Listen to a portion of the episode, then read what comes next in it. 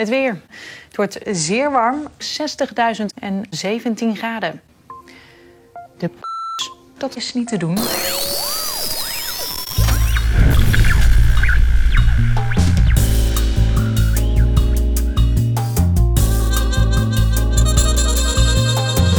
Yeah, yeah, yeah. Welkom allemaal bij de Zeepcast One. Worldwide, always on. Dagelijks gaan we dit elke dag opnemen. Nee, maar Wauw, jij hebt echt veel zin. je kunt het iedere dag luisteren, toch? Dat is waar, maar dat is niet. Maar je kan het niet elke dag. Ja, je kan het wel elke dag luisteren. Maar hem- elke ik- keer hetzelfde. Ik doe hem opnieuw. ik vond hem eigenlijk wel leuk gaan. Waarom? Oké. Nee. Welkom allemaal bij de Zeepkast, de eerste officiële aflevering. Jouw bron voor al je science, popculture en technologie nieuws. Heb je nou interessante onderwerpen? Deel die met ons via onze Twitter, Zeepkast. Of sinds kort via onze Pocket. Mail het dan aan pocket.zeepkast.nl. Dan verschijnt die automatisch in onze, in onze readinglist. Naast mij zit David. Zo, hey, aan jouw eh, intro te horen was jij de geheime vierde Beats One presentator, of niet? Sander Bijleveld. Sander Bijleveld, live from Rotterdam. Ja, Always on. ja, nee, ik krijg mijn eigen uurtje.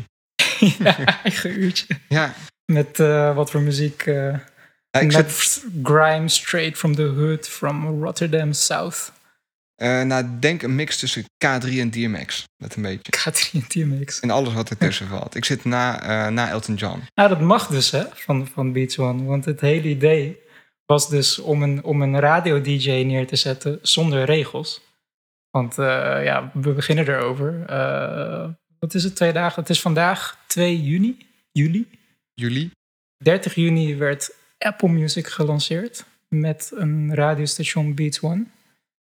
En eh, ja, daar wilde het ook gelijk over hebben.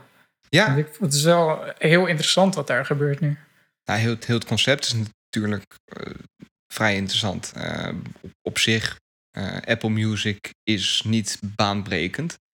Spotify, Tidal. eh, Ja, als streamingdienst inderdaad. Ja. Van, van een all you can eat voor een vast bedrag per maand kan je, wat is het, 30 miljoen nummers eh, ja, onbeperkt luisteren. Dat is natuurlijk wel des Apples. Een, een markt nemen en daarin stappen. En niet de eerste zijn die het doet, maar het wel goed doen. Dat dus nu, vind ik, in wat mindere mate. Bij de iPad hebben ze het echt gerevolutionaliseerd. En Ja. Ja, we moeten misschien zo over hebben wat we er zelf van vinden. ja, Maar, maar ja, inderdaad, wat is Apple Music? Eh, we, we hebben net gezegd, inderdaad, een streamingdienst. Eh, en dat is in wezen niet veel anders dan inderdaad een Spotify of een Tidal. Of eh, wat heb je in Amerika nog meer? Pandora, ja iHeartRadio. je hebt een aantal inderdaad. Heb jij het al geïnstalleerd staan? Ik, ik, ik, ik moet je zeggen, het, het zou 30 juni om 5 uur gelanceerd worden. Vanaf 4 uur zat ik al de hele tijd te checken of er een software update was. Ik was best wel excited, moet ik zeggen. Ik was heel nieuwsgierig. Ja, het was wel grappig, want ik ging toevallig om tien voor vijf of zo een appje installeren. En toen kreeg ik een melding dat de voorwaarden Ja. veranderd waren van iTunes. Dan dacht ik, ah, Het was kijken. inderdaad, de planning was 5 uur, maar het was echt inderdaad 5 à 10 minuten daarvoor stond het al online. Dus toen checkte ik het. Gelijk geïnstalleerd, binnen 5 minuten was het binnen.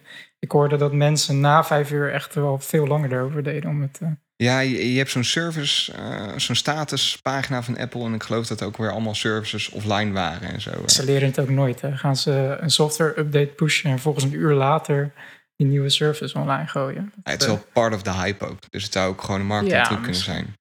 Misschien. Ja, maar eh, ja, ik heb het dus in- inderdaad meteen geïnstalleerd. Eh, ja, de, de, de setup, je krijgt drie maanden gratis. En dat was er een heleboel hijsen over. Ik weet niet of we het daar ook over moeten hebben.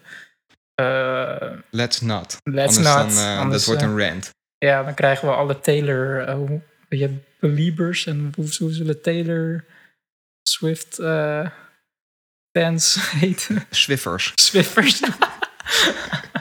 Dan krijgen we straks alle Swiffers op onze dak, inderdaad. Ja, dat moeten we ook Bring them on. Ja. Laat het niet doen. Ja, maar goed. Apple Maar- Music. Ja, dus gelijk eh, aangezet. En ehm, nou ja, even een stap terug. Eh, streamingdienst.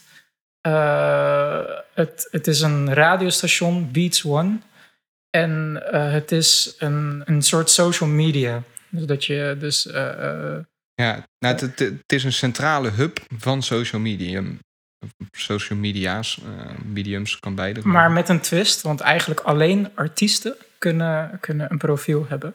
En ook magazines, contributors, zoals een muziekmagazine zoals Pitchfork en Vice. En die krijgen dan toegang daartoe. Maar de, de, de normale persoon tot nu toe nog niet. Want artiesten zijn geen normale personen. Nee, nee, die zijn. Uh... Die zijn wel lotje getikt.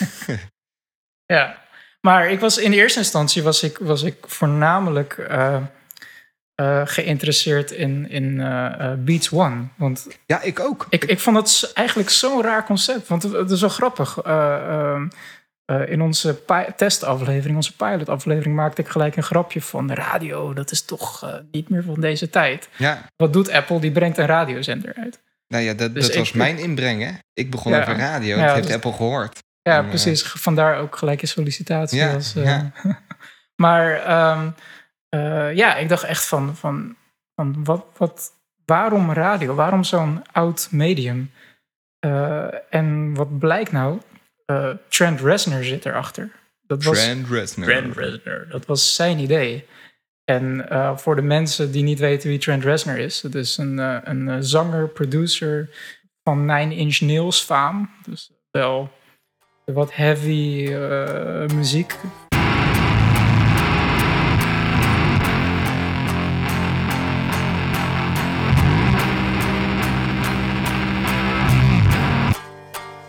Was er zelf echt steeds mega fan van. Ja, ik vind het ook briljant. Ja, ja.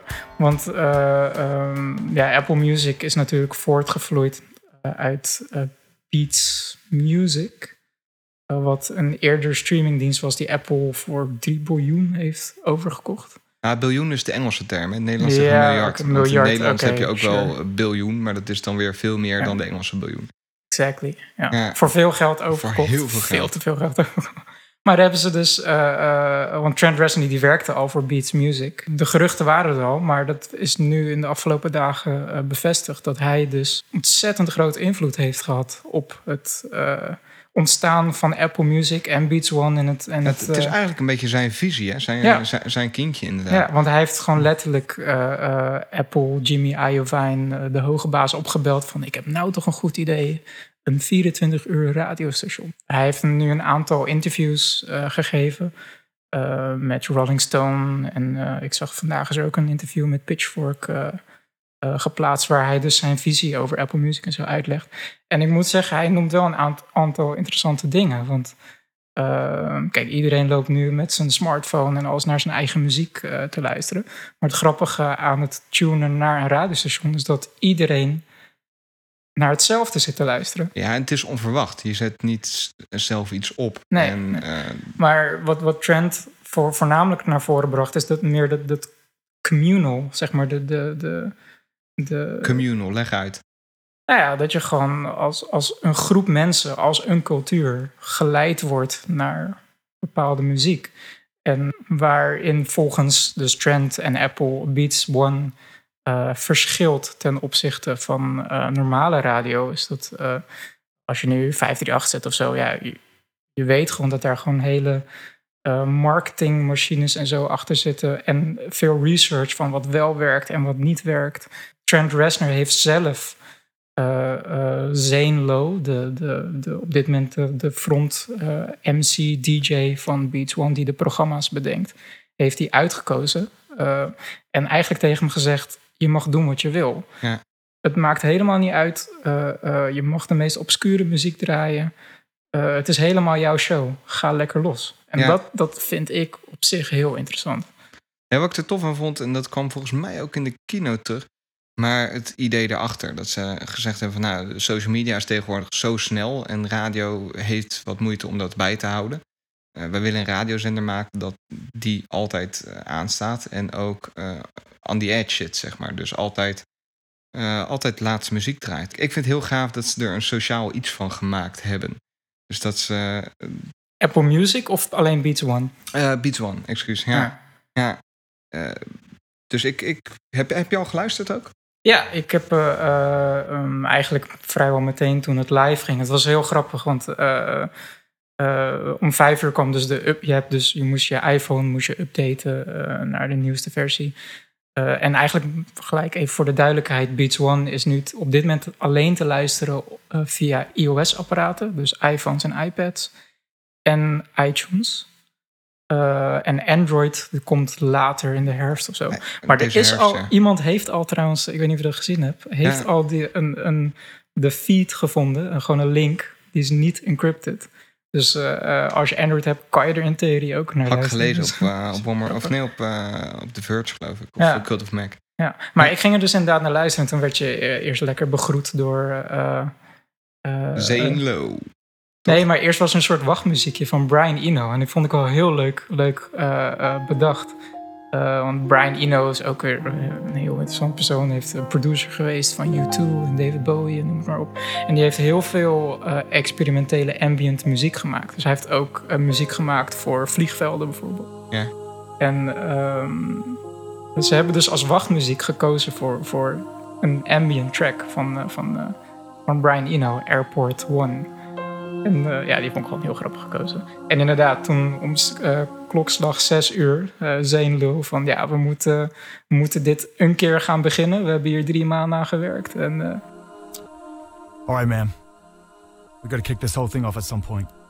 We spent the last three months trying to build this radio station, and now we can build no more. We must launch.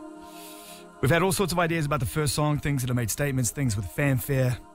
But ultimately, there's been one song that all of us keep coming back to. We've tested sound to it. I've referred to it lyrically when I needed a boost because it's been stressful at times, you know, and exciting and challenging.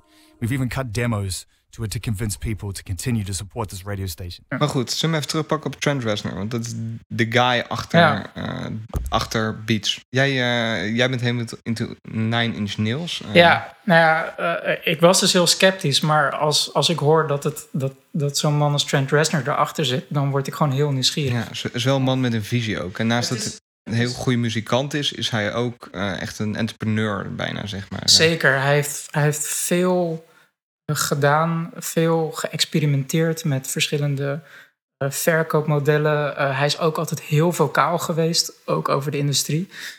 Wat, wat, Heel kritisch ook, hè? ja, wat een heel berucht moment was, is dat ik geloof dat Australië was, dat eh, op een gegeven moment zijn albums echt sterk in prijs werden verhoogd. De, de reden daarvan weet ik niet meer.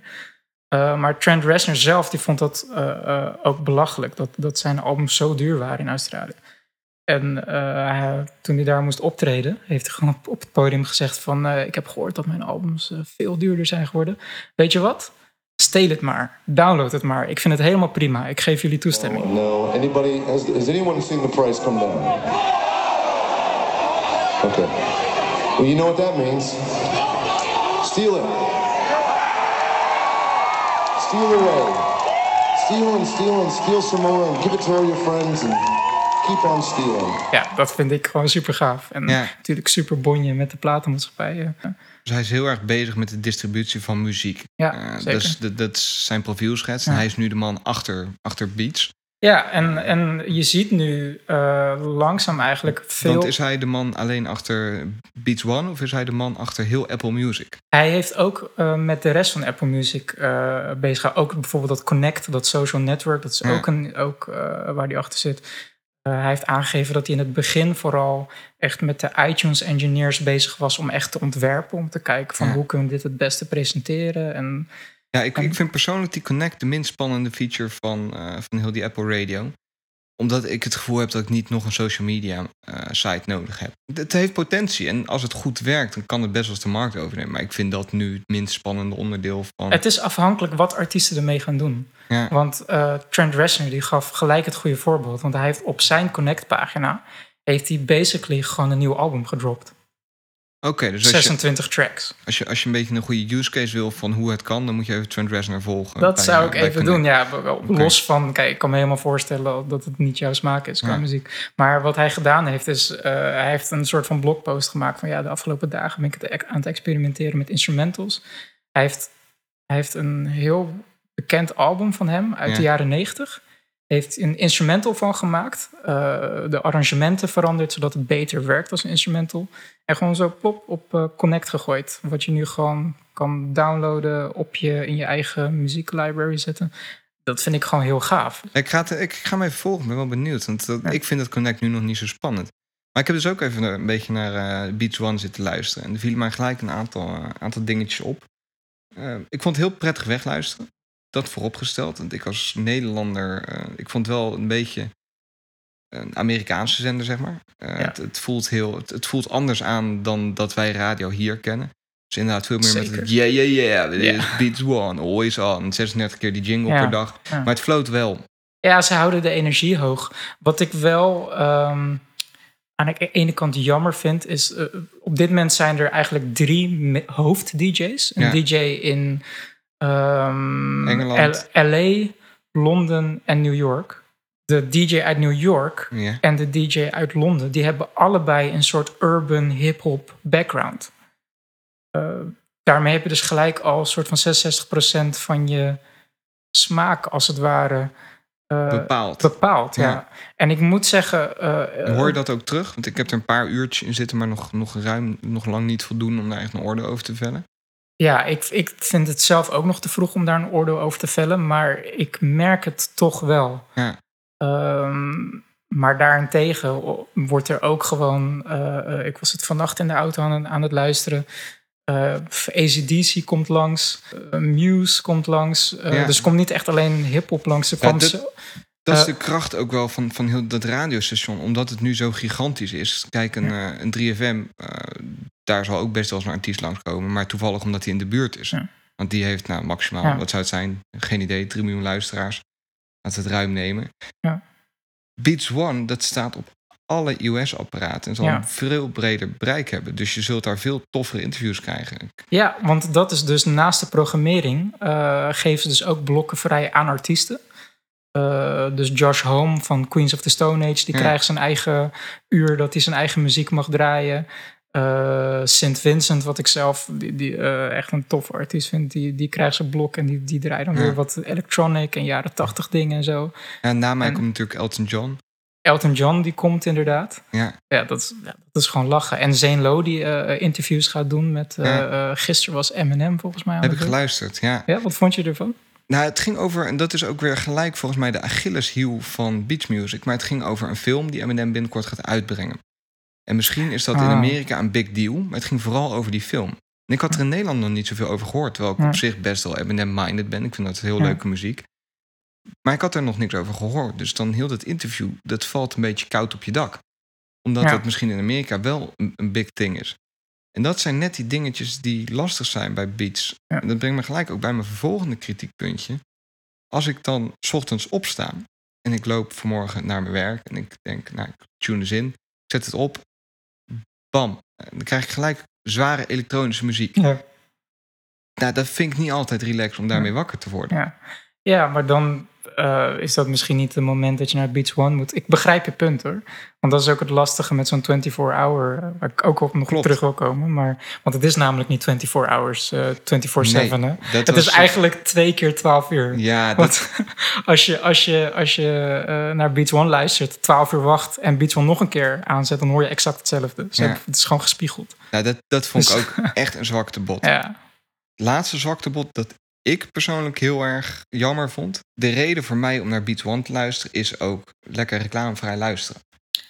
Ja, tussen- Beats One is sponsored by American Express, Dat inderdaad. McDonald's. Dat vind ik zo Dat vervelend. slecht, hè? Dat vind ik zo slecht. Ah, Apple, ook, ook al is het heel kort, het is heel slecht. Heel slecht. waar is het voor nodig? Come on. Apple zit echt op bergen cash. Ja. Die weet van gekheid niet Ja. wat ze met geld moeten doen. Blijkbaar willen ze krijgen hun toch geld niet eens naar Amerika... omdat ze dan zoveel belastingen over moeten betalen. Echt bizar veel geld. En dan Beats One, wat volgens mij niet heel duur hoeft te zijn. Je moet een aantal Ze hebben studio's drie hebben. studio's gebouwd volgens mij. En ja, Zane Lowe die zal, zal wel zijn zakken vullen. Maar Ja, come on. Dat zijn niet de kosten voor Apple. nee, natuurlijk niet. Dus ik snap dat niet zo goed. En ik vind dat zo jammer. Dat vind ik echt een gemiste Ja, kans. maar Apple is doomed, hè? Ik bedoel, eh, het gaat Apple heel slecht doomed. met zijn... Ja, nee, dat klopt. En het is ook moeilijk intunen natuurlijk. Ja. Ik bedoel, het kan zomaar zijn dat jij enorm Elton John fan bent.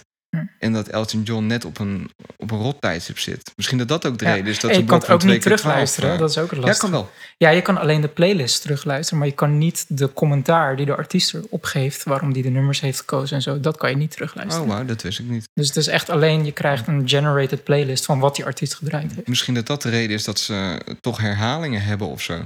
Ja. Maar Ja, dat, misschien, ja, maar dan toch zou het toch. Ja. Ik denk dat ze het ook zelf nog aan het experimenteren zijn aan is ook zo. uitvogelen. Het is Ik zou, ik zou zo, sowieso aanraden om de interviews van Trent Reznor te, luisteren, te, te lezen. Die zal ik eh, wel in de Show notes. show notes, in de beschrijving zal ik die plaatsen. is heel interessant om te lezen.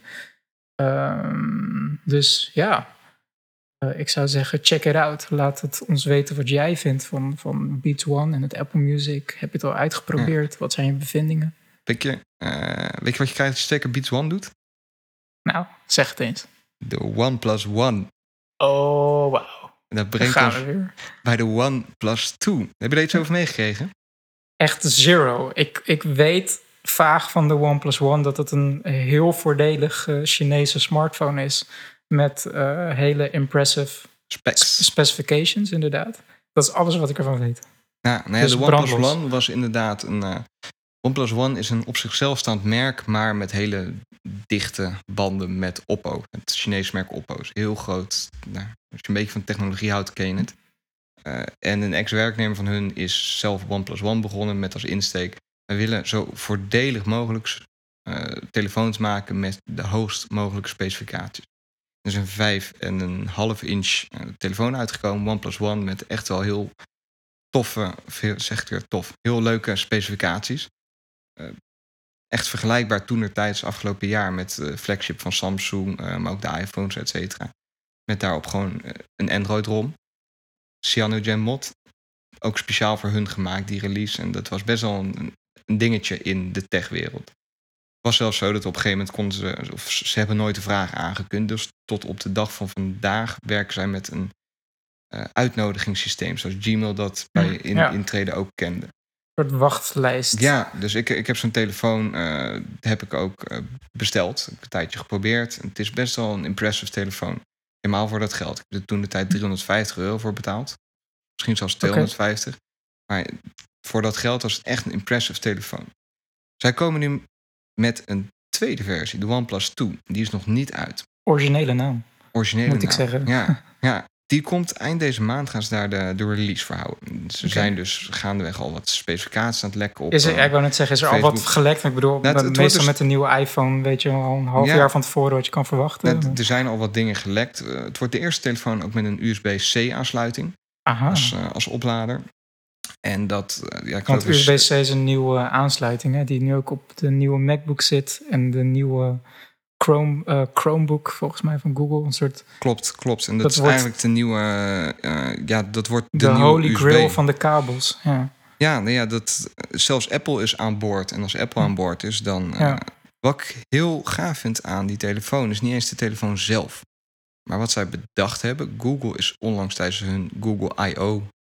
hebben ze heel dik ingezet weer op de Google Cardbox. Dus dat zijn die Mhm. kartonnen dingetjes die je voor je gezicht doet. En dan kun je dan je telefoon in doen... en dan heb je een 3D-weergave. Een soort van doe-het-zelf eh, virtual reality bril. Ja, dat voor iedereen, het is Google's visie dat iedereen toegang moet hebben tot techniek. En vandaar dat ze hem van karton maken.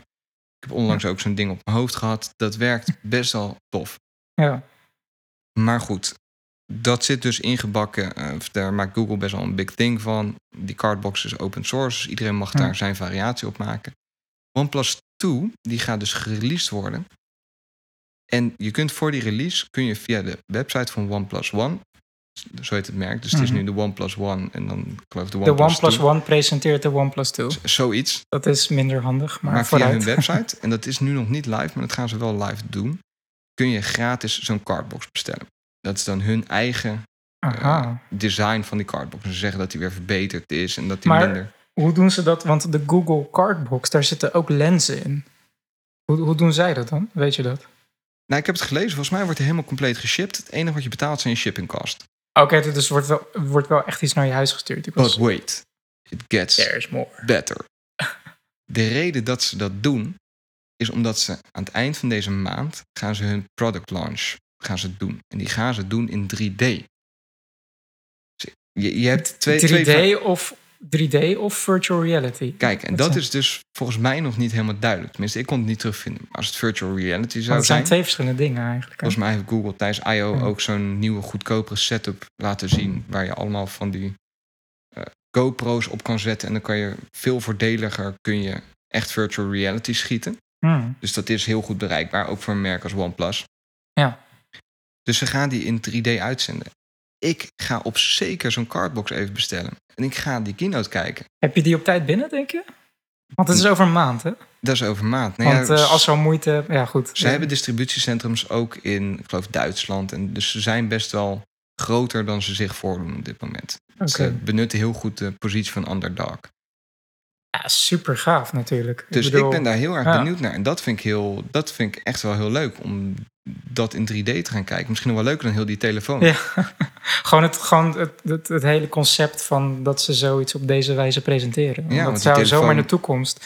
Ik denk dat we daar sowieso een keer een podcast over moeten toewijden. Wat er nu allemaal gaande is in virtual Ja. reality. Want er zijn nu zoveel partijen daarin bezig. Hè? Eh, eh, Facebook, met, eh, die hebben eh, die hele bekende gekocht. Ik ben even de naam Oculus kwijt. Rift. Eh, Oculus Rift. Ja, Eh, Sony heeft Project Morpheus. Microsoft heeft eh, eh, de HoloLens. En dat is die ook vind ik het vetste, die is super vet. Maar daar moeten we het denk ik een andere keer over Ja, hebben. want anders dan zijn we Ja, ja, misschien drie is het misschien is het leuk om te koppelen als jij die, die cardbox van OnePlus One binnen hebt. En als je de, de keynote hebt bekeken, kun je dat gelijk meepakken. Ik dacht dat we die lekker samen gingen kijken, David. Ga je er ook eentje voor mij bestellen? Ik bestel er ook een voor jou. Dat Helemaal top. Dat doe ik nou, gewoon. dat, dat En vind ik ik roep bij deze onze luisteraars op om gezellig mee te kijken. Bestel ook een cardbox en kijk Ja, mee.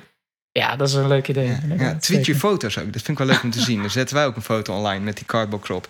Hashtag OnePlus Zeepkast. Hashtag OnePlus zeepkast. zeepkast plus one. Zeepkast plus One, ja. Ja, ja maar dat, dat, daar kijk ik heel erg naar uit. Ja, ja heel tof. Ja, ja dat, eh, hopelijk krijg je hem op tijd binnen en eh, we houden je op de hoogte. Ja, ik weet even geen bruggetje, maar laten we gewoon doorgaan. De Muon Tomography, ik kan het bijna niet uitspreken. Is dat next? Dat is next, ja. Niet. Oh, Oh. je hebt hem omgegooid. Nou, dan doen we het toch lekker zo. Dan doen we hem zo. Muon, Op zich is het wel grappig, want het koppelt mooi op het volgende punt. ja. Muon Tomography. What is it? Muon Tomography. Ja, ik, ik, dat was toevallig. Vandaag zat ik op Wired en dan kwam ik een heel gaaf artikel tegen. Ik had hem naar jou gestuurd, maar ik denk niet dat je hem nog gelezen hebt. Nee, ik, eh, ik was knock-out met het warme Ja. weer. ja, oh my god, ja. Eh, nee, de Muon Tomography. Dat is eh, eh, Je, Nee. je spelt het M-U-O-N. Muon, ja. En mu muons, dat zijn, zijn subatomic particles. Dat zijn eh, eh, deeltjes die eigenlijk ontstaan in onze eh, atmosfeer. Ja, je hebt natuurlijk in de ruimte heb je cosmic rays. natuurlijk, David. natuurlijk, Natu- radiation. Ja, dat is allemaal. Dat, Wat, dat, wat is cosmic rays? dat, dat is een cosmic rays. Is het relevant voor dit onderwerp? Of? Half. Nee, je kan het heel kort samenvatten. Cosmic rays is, is, is eigenlijk een, een, een echo van de Big Bang. Oké, ja, dat is die ruis die in het heelal zit, Ja, zeg maar, van de ja, Big Bang. Oké. Ja, ja, van de Big Cosmic rays. Ja, maar ehm, ehm, ja, weer met het punt van dat, dat, dat elke keer weer ontdekkingen worden gedaan, wat je weer zo'n ander kijk geeft op dingen. Eh, Eh, wat is het überhaupt, muon tomography? nou, je, eh, je kan het beste vergelijken in eerste instantie met, met x-rays, met, met, met röntgenfoto's maken, met, met naar dingen kijken waar je eigenlijk niet, dat je kan. door, waar je eigenlijk niet bij kan, inderdaad. Ik hoorde dus vandaag pas voor het eerst van, maar blijkbaar is het dus begonnen na 9-11, of course. Eh, zijn ze begonnen met, met eh, eh, systemen bedenken om bijvoorbeeld heel snel Gebouwen te scannen of zo. ja, maar ook uranium te, te vinden, zeg maar. Dat Ja, het gepakt wordt, dat het niet Ja. gesmokkeld wordt en Ja. dat soort dingen. En Ja. inderdaad gewoon... Dus heel snel gewoon warehouses kunnen scannen op uranium, zeg maar. Dat is de insteek waarom ze dit bedacht Bijvoorbeeld, hebben. daar is het mee begonnen, Ja. vanaf 9-11. En Eh, en nu is er een volgende stap ingemaakt. Fukushima, ik weet niet Ja. of je dat wat zegt. ja, daar is die, eh, is, Die is ramp nucleaire natuurlijk. eh, Ja, ramp geweest. Ja. Ja, ehm, de- de- er moeten natuurlijk veel, nu veel onderzoek gedaan worden van, van waar zitten er hoe- Lekken, wat lekken, wat, wat, wat ligt er nog, dat soort dingen. Dat hebben ze tot nu toe geprobeerd met robots. Ja. Eh, en dat blijkt toch niet zo goed te werken. Eh, robots die halverwege eh, stoppen met werken, dat dingen, het werkt niet. Ehm, Een soort SpaceX-raket die ontploft. ja. ja, dat is ook zo jammer. Hè? Want dat was trouwens ook weer zo'n raket waarmee ze weer een test wilden doen om te kijken of die kon landen. Hè? Landen kon die. maar niet in één gedeelte. Niet in één deel, nee. Maar we dwalen weer af, man. Ja, Ehm, dus die robots die, die, die faalden. Ja. Ze hebben iets anders Ja, bedacht. Er is dus nu een, eh, een X-ray techniek eh, waarbij ze dus muons gebruiken. En zoals ik eerder zei, muons Subatomische zijn subatomic deeltjes. particles die eigenlijk overal ter wereld constant aanwezig zijn en overal doorheen gaan. De gemiddeld per vierkante, per kubieke centimeter kan je, eh, kan je één muon detecteren per minuut. Ja. Dat is ongeveer het gemiddelde wat je overal Oké, hebt. dus het Ja. is niet eens echt een overdater. Vaak als je het hebt Nee. over, over echt heel kleine deeltjes, dan heb je het over gigantische getallen. Precies. Nee, een het is- centimeter het atomen is meer dan dat er sterren zijn in het Het heelal. is vrij sumier. En dat is dan, daar zal ik straks op terugkomen. Dat is gelijk ook weer een beetje het nadeel dat het niet veel is. Maar het grappige hieraan is dat, dat eh, het een meettechniek is. Waarbij je, waarbij je dus zelf niet iets uitzendt. Als je een röntgenfoto maakt, dan bestraal je iemand met x-rays. Ja, dus je maakt gebruik van iets dat er Je, je toch maakt al gebruik is. met iets wat, wat er toch al is. En dat, dat geeft dus maar weer aan dat er dus allemaal dimensies om ons heen zijn... waar we, wat we nog aan het leren zijn. Waar we geen weet van Ja, hebben. ja. En hoe het dan werkt, dus dat gaan ze dus nu in Fukushima gebruiken. Eh, ze willen het ook gebruiken in industriële takken, eh, waar bijvoorbeeld heel veel pijpen moeten. Ja, dan moeten kun je gelijk kijken. las, eh, ja, nou ja, in, fabrieken en noem het maar op, daar, daar zitten onderdelen die slijten. Ja. Dat moet geïnspecteerd worden. En als je op dit moment een pijp waar bijvoorbeeld stoom doorheen gaat, eh, wil inspecteren op hoe dun de wanden nog zijn, eh, dan moet je de, eigenlijk die, dat hele gedeelte afsluiten, die pijp losmonteren, de isolatie eraf halen en dan kan je pas de pijp eh, Monteren. Of, inspecteren. inspecteren, ja. En met deze techniek, ik zal even uitleggen hoe het in zijn werk gaat.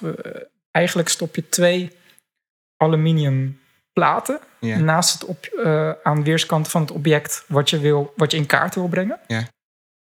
Ehm, nou, de muons die, die, die dus er normaal Die gaan door, door, de, door die platen heen. die gaan door de plaat heen. Eh, Die gaan overal deel, doorheen. Deel, deel- gaat overal doorheen, is overal. Het is gewoon natuurlijk, in, in de natuur komt het gewoon constant voor. It's just there. It's just there. Particle gaat door plaat nummer 1. Computer registreert dat. Gaat door het object heen. Int- eh, heeft interactie met de moleculen van het, van het object wat je wil meten. Wat de richting van de muon verplaatst, verandert. Ja. Ehm, gaat daarna door plaat nummer 2. En eh, dan kan je dus kijken wat er, Hoeveel wat- die verplaatst is. hoeveel die van richting is veranderd. En ehm, op een of andere manier kunnen ze dan zo langzaam dus gewoon een, een soort kaart maken van waar die muon doorheen is gegaan. Dat is gewoon, ja, dat vind ik gewoon super gaaf. Dat vind ik ook wel heel tof. Ja. En het, wat je net zei, het is Het zal heel tijdrovend zijn nu. Ja, het is, je moet, als er als bijvoorbeeld een pijp gemeten moet worden, dan moet je denken aan acht uur. En je kunt niet zeggen, we, we schieten een paar miljoen muons extra de lucht in. Dat, Nee, je kan het niet zelf maken of zo, of creëren. Je moet dus echt gewoon, het is letterlijk van je zet die twee dingen neer en je meet wat er gebeurt. Maar eh, wat ik er zo interessant, nogmaals zo interessant aan vind, is dat je dus nu zelf niks creëert of scant of je zendt niks uit. Je, je, je observeert alleen maar. En daarmee kan je gewoon dingen meten die, er, waar, die je normaal niet kan zien. En ook voor de gezondheid kan het natuurlijk super interessant zijn. Kijk, Ehm, straling van... Ik heb, nog niet, ja, ik heb nog niet gevonden of je daarmee eh, biologisch materiaal of zo Ja, misschien dat het dan door te veel tissues heen gaat. En te veel Ja, verschillende maar misschien is, het ook te- is de resolutie ook te laag of zo. Van, want het lijkt, lijkt me niet handig dat je dan mensen acht uur in een bed moet laten liggen tussen twee platen. En, eh, Ja, puur, puur aan het filosoferen. Maar ik kan me voorstellen bijvoorbeeld een tumor... dat die een andere dichtheid heeft dan ja. de rest van je tissue. En Ja. dat je dus kan meten door iemand in zijn plaat te leggen... of er Ja. ergens tumoren aanwezig zijn Ja. in zijn lichaam. Ja. Dat zou interessant zijn. Dan kun je, dat, kun je zelfs een oplossing Ja. bedenken... dat je dat in bedden gaat monteren. Next level. Iedereen heeft thuis een bed met Ja. een plaat erin... en daarboven zit ook een plaat. Ja, dat, want dat was, daar zat ik, dat, dat werd niet in het artikel genoemd, maar dat zat ik inderdaad zelf ook te denken. Je kan natuurlijk platen ergens gewoon permanent monteren. Zodat je in een fabriek bijvoorbeeld allemaal platen permanent monteert, dat gewoon elke dag constant een, constant een, buis, wordt. een buis wordt gemeten. Ja. Eh, ja, dat, Nou ja, dat, Ik weet niet hoe haalbaar dat in, de- in de idee, werkelijkheid is, maar dat, mij- dat ga, daar ga ik gelijk aan denken. volgens mij luistert er nu geen muon-tomografie eh, Nou ja, dus we kunnen zeggen wat we willen. Als die wel luistert, dan lacht hij ons misschien vierkant uit. Maar daar word ik wel enthousiast van. Dat vind ik ook wel. Leuk weetje over muons. Muons. Muons. Zijn heel zagrijnig. Eh, nou, misschien kan, je het zo wel noemen. Oh, want, want ze bewegen eh, eh, op 99% van de snelheid van licht. Eh, en zoals ik Ze helemaal heel begin- gefrustreerd dat ze niet sneller ja, kunnen. ja, precies. Ja. Ja. Hey, vertel. Maar zoals ik eerder zei, ehm, ze, ze worden gecreëerd in ons atmosfeer. Ja. Dus eerst in de ruimte, cosmic rays, heet, het zijn andere deeltjes, pions. Pions. En op het moment dat ze dus interactie hebben met onze atmosfeer, ver- veranderen ze in muons. Oké. En muons die hebben een hele korte levensduur. Eh, sterker nog, je kan, je kan uitrekenen eh, ehm, hun levensduur en de snelheid Ja. eh, die ze hebben, kan je dus. Tegen elkaar afzetten. nou, je, je kan berekenen wat voor afstand ze kunnen afleggen Ja. in hun levensduur. Maximaal. Want je weet hoe snel ze gaan en je weet hoe lang ze leven. Ze hebben ook echt een fixed Ja, levensduur. dat is ze, hebben een fixed, hetzelfde. ze hebben een fixed levensduur en ze hebben een fixed snelheid. Dus je weet gewoon hoe, welke afstand ze kunnen afleggen. Die afstand, als je dat berekent, die Ja. afstand is niet lang genoeg om eh, eh, onze upper atmosphere Ja. tot de grond te overbruggen. Maar hoe komen die hier dan? Ja, hoe kan dat? Ja, Wauw. Dit is Einstein. misschien de nieuwe God particle. Nee, nee, nee. Einstein, relativity theory. Omdat ze op, op zo'n hoge snelheid bewegen, sneller dan de 99%, 99% van de snelheid van het licht, Ja. ervaren ze tijd langzamer. Wauw. Dus, eh, dus op een of andere manier hebben ze toch genoeg tijd om de grond te bereiken. Terwijl dat eigenlijk niet kan. Maar puur door hoe, hoe tijd en space werkt. Wat Einstein heeft gezegd met de relativiteit. Kan dat dus wel. Wij observeren dat, dat, de, dat de, de particles die grote afstand overbruggen. Ja. En de particles zelf, die eh, observeren eigenlijk dat ze veel meer tijd hebben. Of dat die afstand helemaal niet zo groot is.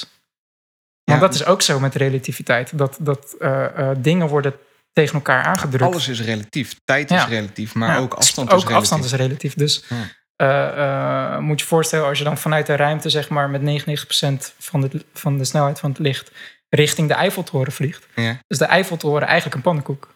Je wordt helemaal Ja. platgedrukt, als het ware. Ik vond het een leuk weetje. Ik, nou ja, ik heb even een brain fart. Ik, eh, Yes, zo. Na een korte pauze. In verband met de hitte. Het is niet te doen Ja, hier. het is hier echt een sauna. Ik denk dat het hier serieus eh, boven de 30 is. Het zou me niks verbazen. Je vroeg net of ik een thermometer had. We- weet je waar het koeler is? Nou, Op Mars. zullen we daar naartoe gaan? Let's go to Mars, man. Ja, want eh, wat is het? 2030? Dan wordt het mogelijk, hè? Ja, volgens, eh, Volgens. volgens een Nederlandse entrepreneur staan we volgens mij op 2027 hebben wij mensen op Mars. 2027 al, zegt hij? Dat, dat, dat, Dat is over ik. 12 jaar. Ja. Bas Lansdorp. Dat Bas is, Lansdorp. Dat is de man. Nederlandse entrepreneur. Ja, een Nederlandse entrepreneur die heeft een, een, een bedrijfje opgericht, Mars One. Eh, met als doel om mensen.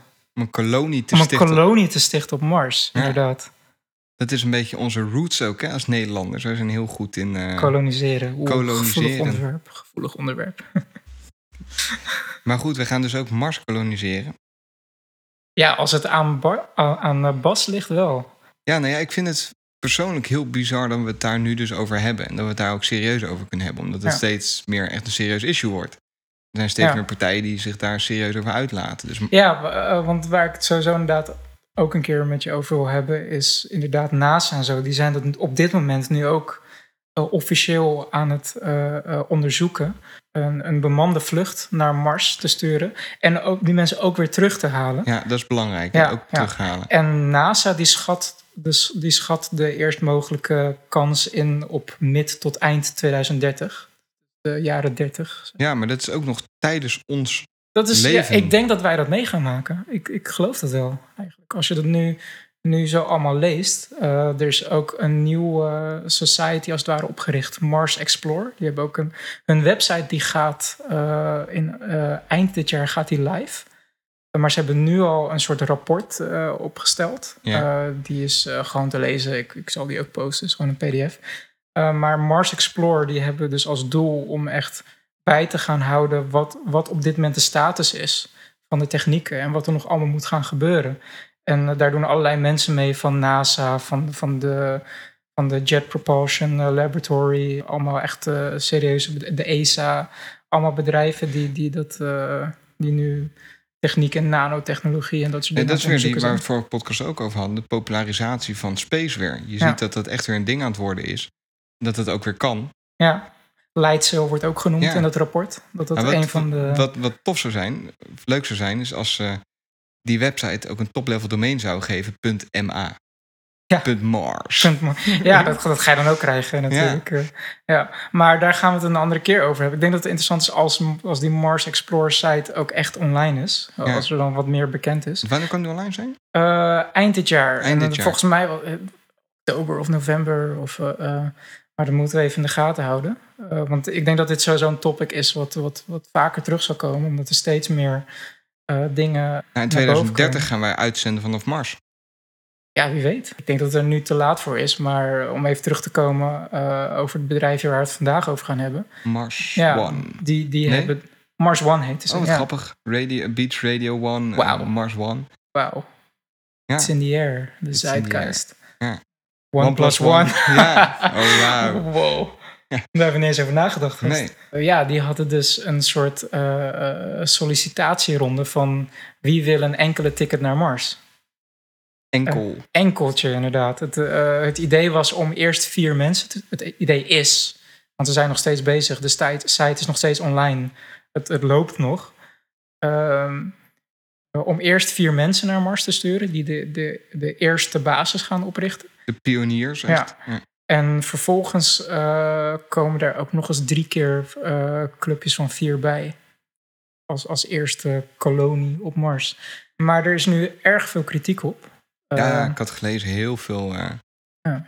bashing. En Ja. het kan helemaal niet wat je roept. En, Nou, het is wel grappig, want zij, beloof, zij, zij, zij beweren dat dus. Maar dan moet je dus ook zeggen, gelijk, dan vraag je gelijk af, ja, hoe wil je dat dan doen? Eh, daar als- hebben ze niet zo'n idee van. Hè? Nee, dat, dat, dat is dus juist de hele joke eigenlijk ervan. Want eh, om, om te beginnen, Bas Lansdorp eh, heeft eigenlijk zijn, zijn geld vergaard met windenergie. Ja. Dat is zijn, zijn expertise. En hij geeft zelf ook toe dat hij weinig kaas heeft gegeten van ruimtevaart. Ik denk dat die mensen naar Mars gaat blazen. Ja, wie weet. Ja, met zo'n windmolen gewoon even lekker op z'n Hollands. In een Ja. propellertje. Ja, ja. Mars One bestaat eigenlijk uit drie mensen. Eh, de CEO Bas Lansdorp, ex-psycholoog van NASA, die zich dus, dus bezighoudt met eh, eh, wat, wat het doet met de psyche van een mens om zo'n lange Lange reis, reis te maken en daar dan en nooit meer terug te kunnen.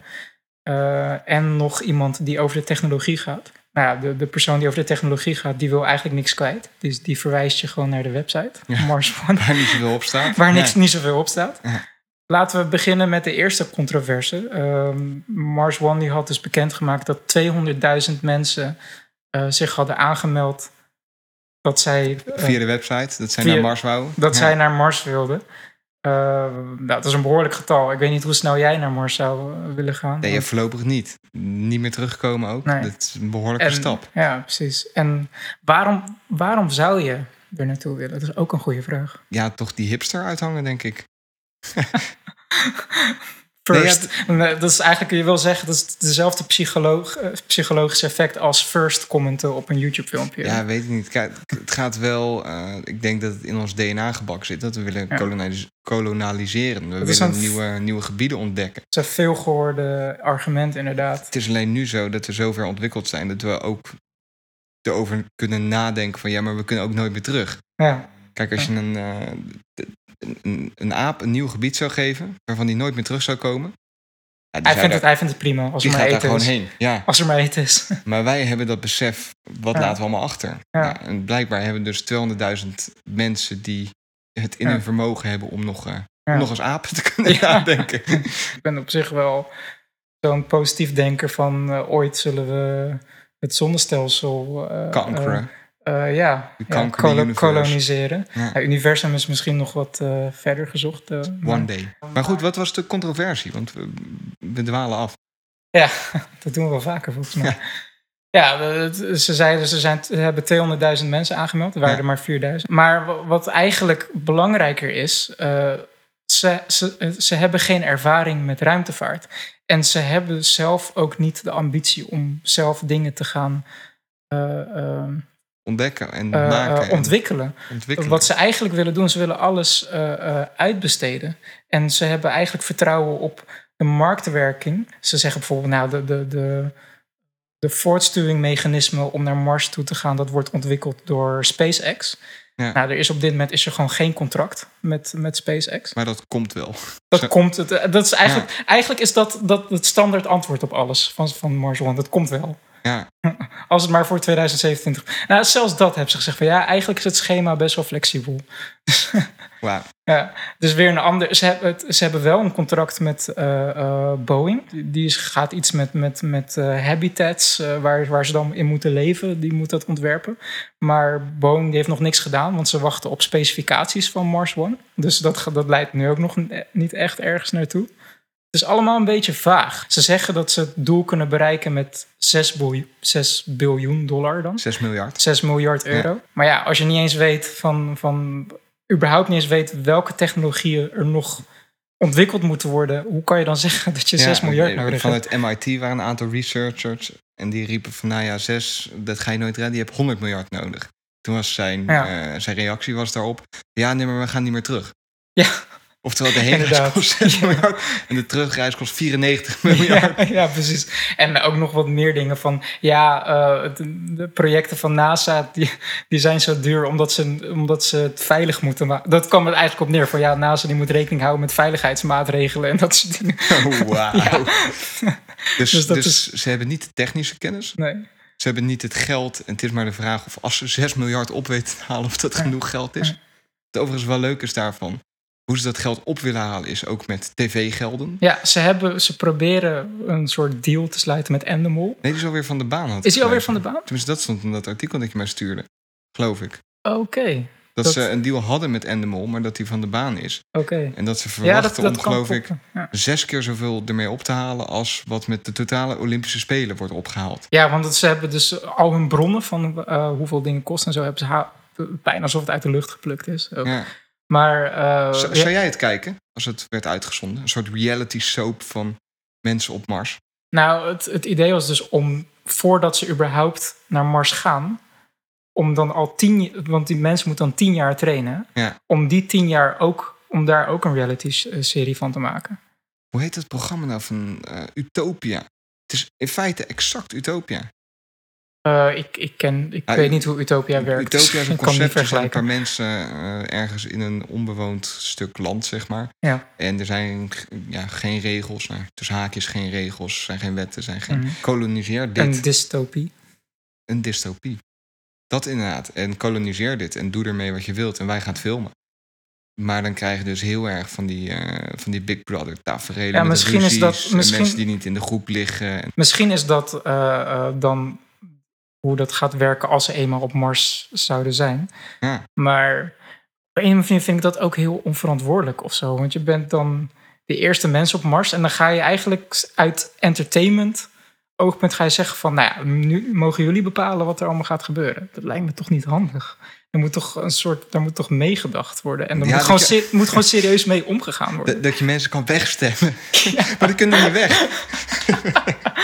ja. Ja, dat is, dat is dan jammer. Ja, die, eh, nou, dan krijg je dus bijvoorbeeld di- dingen van... eh, oké, er moet een, explore-missie eh, gedaan worden... op een of andere berg of vulkaan op Mars of zo. ja, en dat je allemaal Wie van de vier op moet, moet, invullen. moet, moet zijn leven riskeren?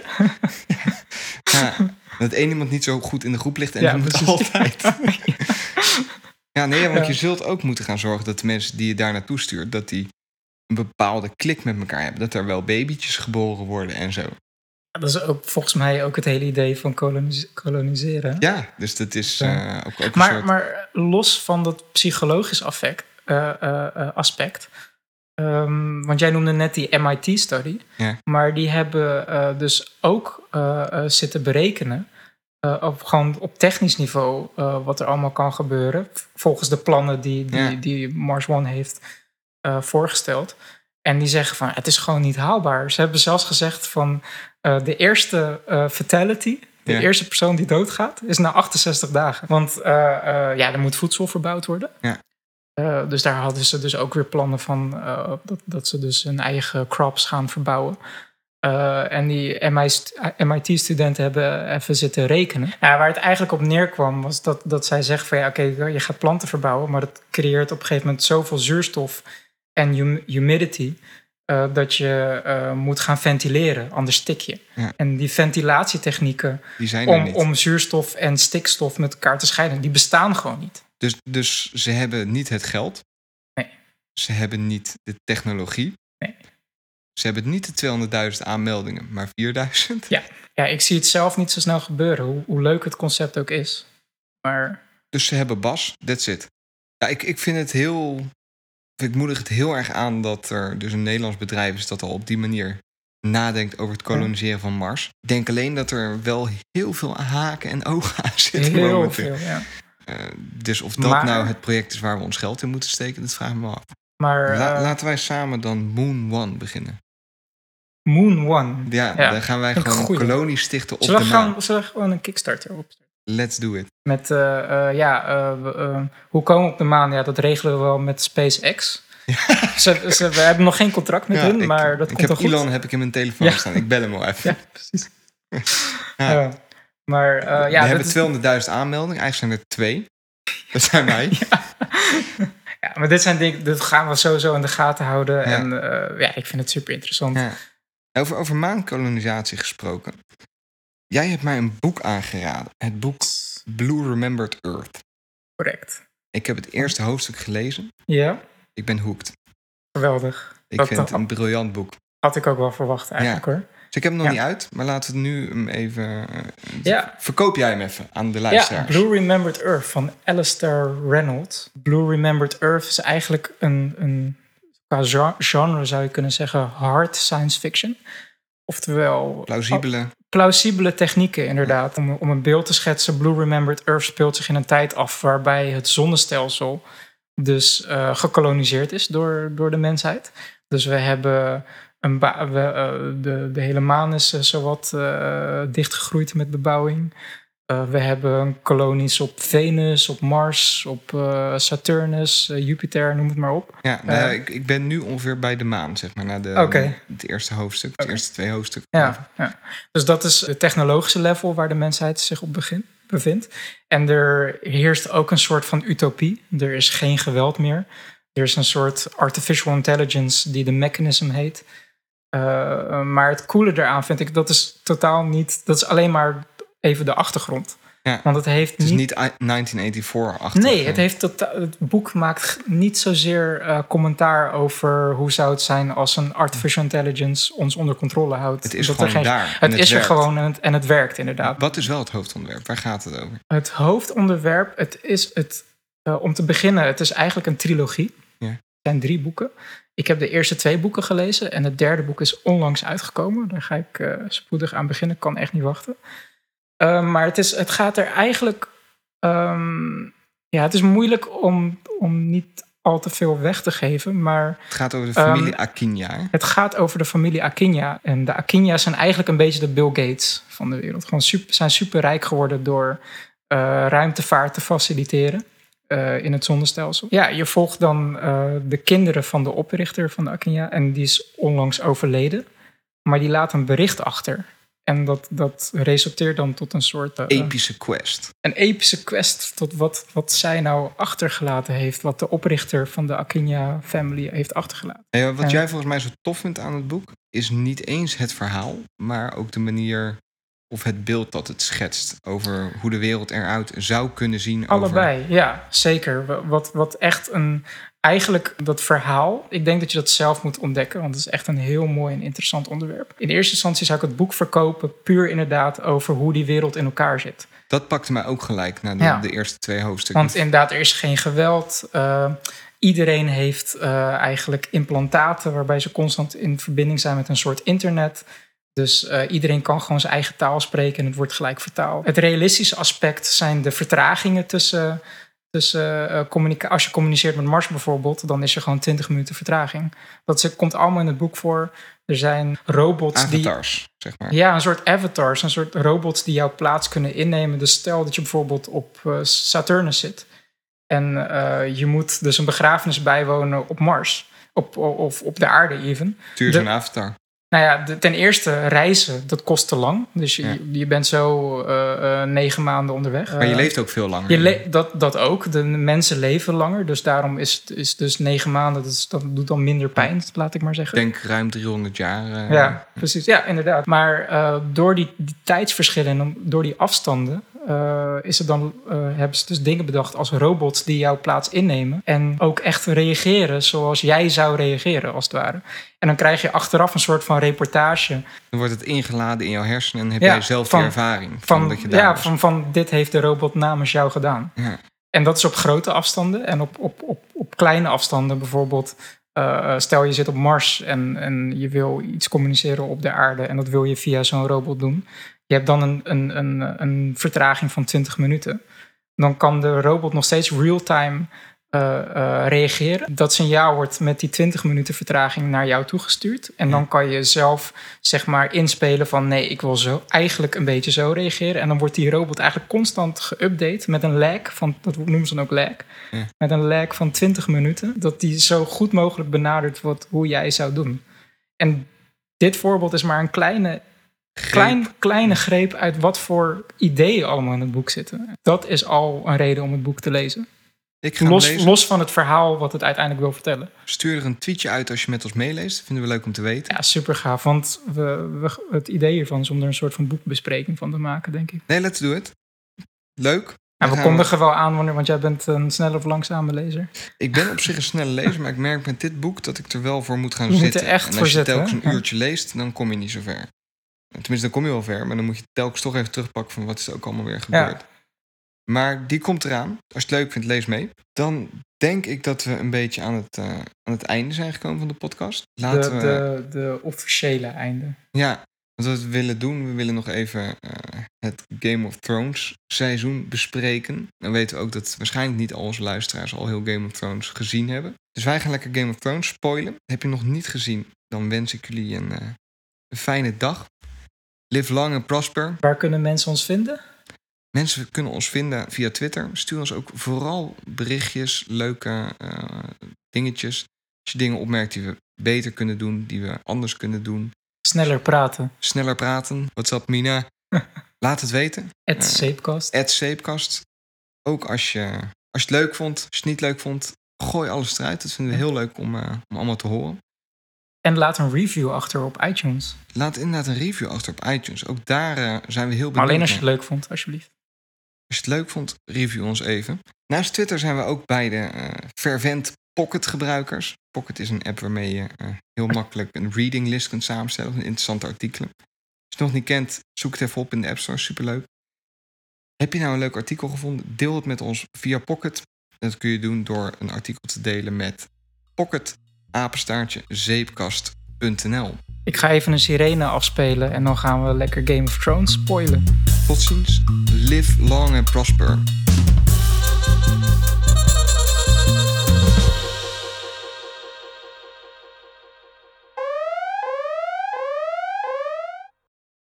For the watch, Sander. For the watch. For the watch. ja, jezus. Wat, eh, Wat was dat, man?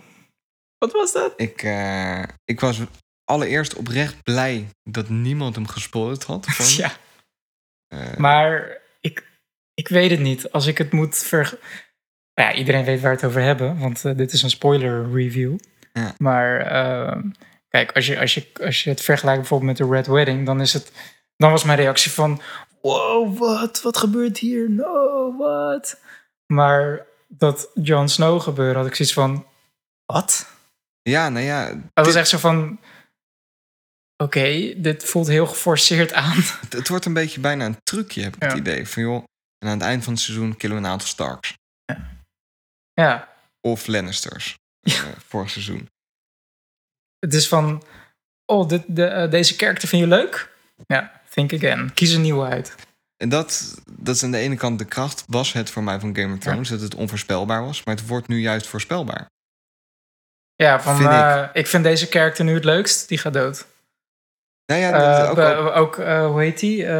Die Valar Morghulis, All Men Must Die. En dat is ook wel echt zo. Iedereen gaat dood. ja, precies. Ja, Ja. Arya is blind geworden, Sansa is van een gebouw ja wat was dat? Dus je weet Het, niet of er, Sansa er, er, leeft. er is zoveel. Wat, wat, wat is dit? Wat is dat? George R. R. Martin, die haat echt de Starks, jongen. Ja, is echt niet bizar. normaal. Eerst killt hij eh, al die gasten op de wedding, eh, alle Starks. Net heeft hij al onthoofd. Sansa, die is eh, nu dus van een... Die Sansa is verkracht. die is verkracht en, die is springt van een die gebouw. springt van een. En dat is ook nog grappig. eh, in plaats van dat je eh, gewoon van, het muur, van de muur afspringt, zoek je nog even nog een hoger opgedeelte van de muur op. En dan spring je daar vanaf. Ja. Ik bedoel, why not? Als je toch gaat springen. Dus die zal minimaal de benen gebroken hebben. Ja, minu- de- ja. Eh, Arya, die is blind. En dan killen we ook nog even Jon Snow. Rickon, nobody cares about Rickon. Nee, nee. Bran die zit in een boom. Ja. En eh, hoe, hoe heet die? Die ze wel hebben opgevoed. Die nu Reek. Reek, ja. is eh, natuurlijk ook van een, een soort surrogaat ja, Stark, een- maar geen Stark meer. Maar die is wel opgevoed door de Stark. Ja. En daar hakken we zijn ballen vanaf. En die, eh, Precies. ja, Ja, die, die, die maken we echt helemaal met grond gelijk. ja, Niet eens zijn eigen naam meer weet. Dus hij heeft wel echt een hekel aan, eh, aan de Starks. ja. Dat vind ik een beetje... Ik word daar een beetje moe van. Ja, nu moet ik wel zeggen... Jon Snow blijft niet dood. Daar zijn Ik durf- zoveel theorieën durf over. dat. Ik, heb, ik moet zeggen, ik lees niks over Game of Thrones. Ik lees geen theorieën. Want ik wil gewoon, gewoon de. Ik wil gewoon spoiler-free blijven. Want Ja. dat blijft wel de kracht van die show natuurlijk. Die onverwachte eh, eh, dingen. Ja. Eh, maar ja, je kan erop rekenen dat Jon Snow terugkomt. Ja, Ik hoop het. Het, er is, er is, er is, er zijn, als dat niet zo zou zijn, dan zou dat zo unsatisfying zijn. Want er zijn zoveel vragen. Wie, wie is zijn echte, eh, eh, Moeder. zijn echte moeder? Ja. Eh, of zijn echte vader even? Ehm, want het hoeft niet eens net Stark te zijn. Nee, daar heb je al die theorieën over. Ja.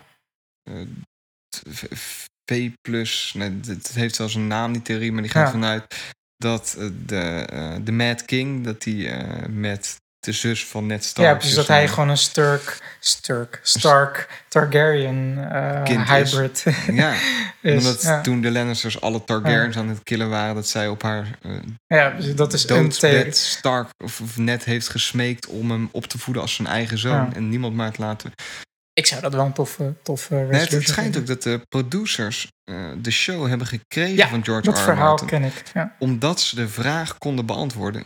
Hoe is Jon Nou, Snow's mother? Nou, mis- ze hebben niet gezegd van dat ze die vraag konden beantwoorden, maar ze hadden gewoon een tof, tof eh, eh, eh, theorie erover. Ja.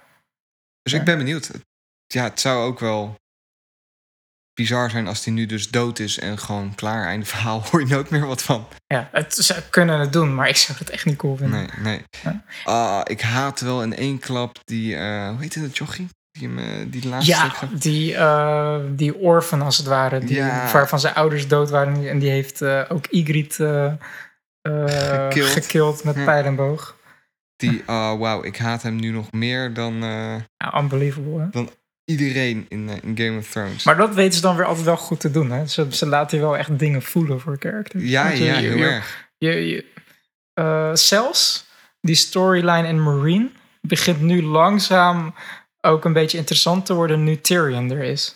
Tyrion maakt niet uit waar je die zet. Dat is altijd leuk. Nee, maar dat bedoel ik. Het is nu... Altijd was, was dat verhaal eh, eh, in, in die woestijn eh, met Khaleesi. Zo van, ja, oké, dat Kabbel hoort... maar voort. Kabbelt maar voort en ze wil koningin zijn, maar eigenlijk kan ze geen koningin zijn, want ze faalt in alle opzichten. Ja, dat is toch zo? Ja, nee, dat klopt wel. en nu is Tyrion er, dus nu wordt het...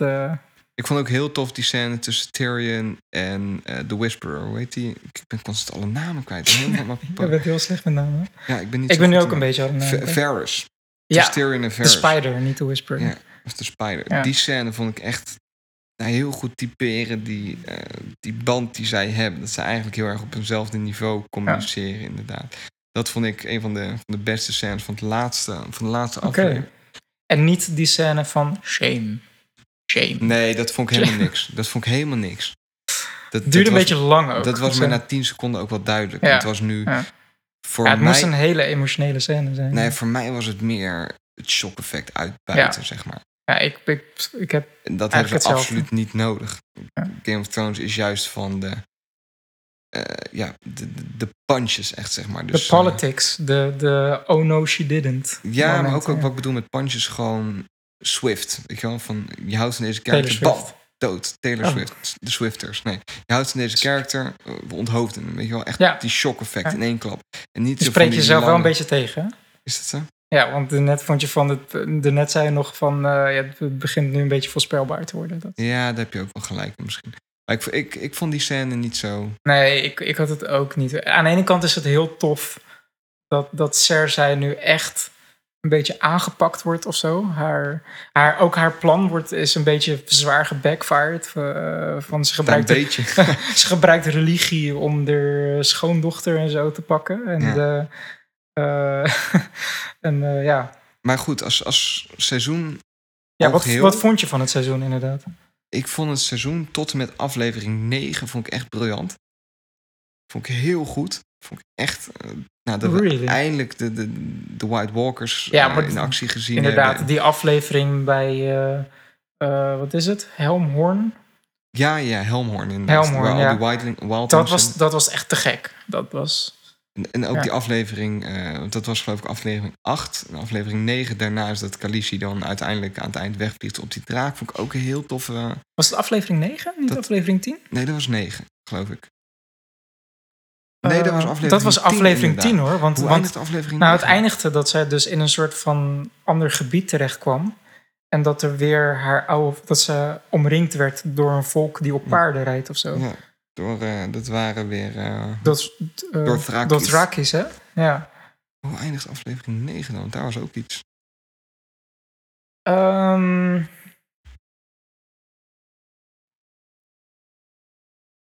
Maar goed, als Ja. eh, algeheel, ik vond dit seizoen vond ik briljant. Maar voor mij hadden ze de laatste drie minuten had hij weg mogen laten. En dat klinkt misschien heel erg eh als een verongelijkte boze kijker die van Jon Snow houdt en die het gewoon jammer vindt dat hij dood is. Maar voor mij gaat het volgens mij iets dieper dan dat. Het is niet per se dat Jon Snow dood is, want ik vond hem niet de allertofste of het allerleukste karakter. Maar meer dat het een soort repetitie is. Dat het weer Ja. zo is van nou, aan het eind zetten we Ja. gewoon een, hele zooi nieuwe verhaallijn in. Oh ja, en we killen nog even iemand eh, waarvan je het echt niet verwacht had. Hm. Dat, ja, dat vond ik persoonlijk niet zo Ja. sterk dit seizoen. ik geef ze de benefit of the doubt, omdat ik het gevoel heb dat er nog een soort, dat dit niet het einde is, maar dat er wel een soort endgame is. Dat er nog een extra layer is. Wat ik bijvoorbeeld dus niet heb met Stannis. Stannis Baratheon. Je hebt twee seizoenen gekeken naar hoe die...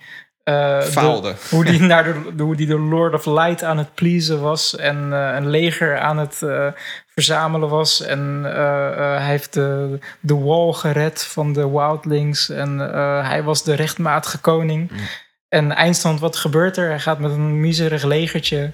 bestormt hij Winterfell out of all places. Ja, wat eigenlijk Wordt hij gesloopt? Wordt hij gesloopt door de Boltons. Ja. Out of all people. Ja, En uiteindelijk wordt hij vermoord door eh, die grote reus. eh, die, eh, hoe heet ze?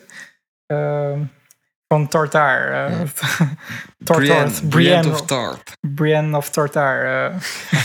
Ja, Die, nee, dat, dat klopt. Dat is wat eigenlijk wel wel... aan de ene kant wel satisfying is. Want, want zij heeft altijd eh, vastgehouden... Want zij werd beschuldigd hè, van die moord op Randy. En, maar zij heeft die Shadow Monster gezien die zijn gezicht droeg.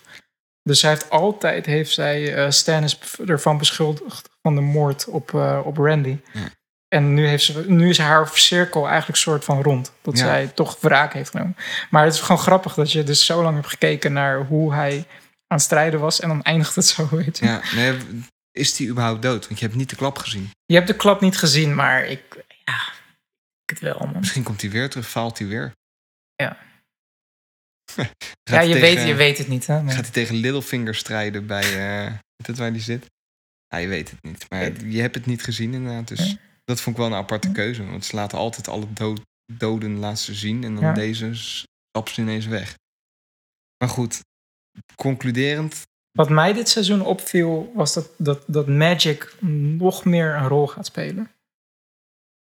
Ja. Eh, de, de draken, De White de Walkers. White Walkers, eh, die rare stenen eh, eh, monsters die in, die in de, toen ehm, Tyrion op dat bootje hostage was, toen ze naar Marine vaarden. maar dat is gewoon een ziekte. hè? Ja, maar ze werden dus aangevallen door die, door die vage zombie-gasten. zeg Ja, maar. maar dat is, dat is een ziekte. Dat is een ziekte, ja, een soort Ja. van leprosy of zo. Dan, dan kan je verstenen. En Ja. Jorah is daar nu ook mee infected. Ja. En de dochter van Stannis ook. Ja, die, die, Maar- die was Die is de enige die daar ooit van... overleefd. of heeft. ooit Ja. de enige die je kent die dat overleefd heeft. Ja. De survivor. The girl who lived. De girl lived. Of niet. Ja. ja. Oh, die scène, joh. Dat zij aan het schreeuwen Ja, is. die vind je heftig, hè? Die- ja, dat, dat, dat vind ik heel erg. Dat ging, ging, ging dat jou te ver? Ehm, nou ja, ik kijk het nog steeds. Dus kijk, als het Dus te nee. ver gaat, dan, dan, dan stop je met kijken. Dus- dat Maar ik vond, het, ik vond het heel heftig. En Er was natuurlijk heel veel eh, commotie rond die verkrachtingsscène met eh, Sansa. Ja. Die vond ik ook heel ver gaan. Want eh, eh, ja, sowieso heb ik moeite met dat soort scènes. Eh, ik weet, ken je de film Irreversible? Nee. Het is een Franse arthouse film. eh, waarin een verkrachtingsscène zit van 18 minuten. Wauw. Ja. Ga ik Ja. niet kijken. Nee, moet je niet doen. Dat is eh, afrader, mensen. Dat, eh, Kijk dus het concept van die film is heel tof, maar, maar eh, ja, ik, ik vind dat soort scènes vind ik altijd heel vrij heftig, moet Ja. ik zeggen. En ook, je zit daar dan ook van, oké, dit moet de redeeming moment zijn van, van, van Tian. En dan doet hij het weer niet, zit hij alleen maar toe te kijken. Ja. Ja. Eh, maar och, dat, dat geschreeuw, dat, dat handje gewoon, dat is... eh, Ja, dus ik, ik vond het een veel bewogen seizoen. Ik vond het wel weer een Ja. van de betere seizoenen. Ehm, en ik moet voor mezelf proberen om niet die laatste paar minuten het compleet te laten, ja, te laten verpesten. Ja. Maar dat, eh, daar, daar heb ik even tijd voor nodig, denk ik. Ik denk als je me over eh, een paar maanden vraagt... dat ik veel enthousiaster ben over dit seizoen dan nu... nu ik net die laatste je, ja. aflevering heb gezien. op een of andere manier voelde die heel snel aan voor mij. Ik weet niet wat het was. Denk ik dat we er zo wel, eh, zo wel helemaal zijn. Ja, ik ga dood van de hitte, man. Laten we kappen. Zijn we mee kappen? Ja, man. Nou, Was nogmaals, gezellig. Tot ziens, live long en prosper. Hoi.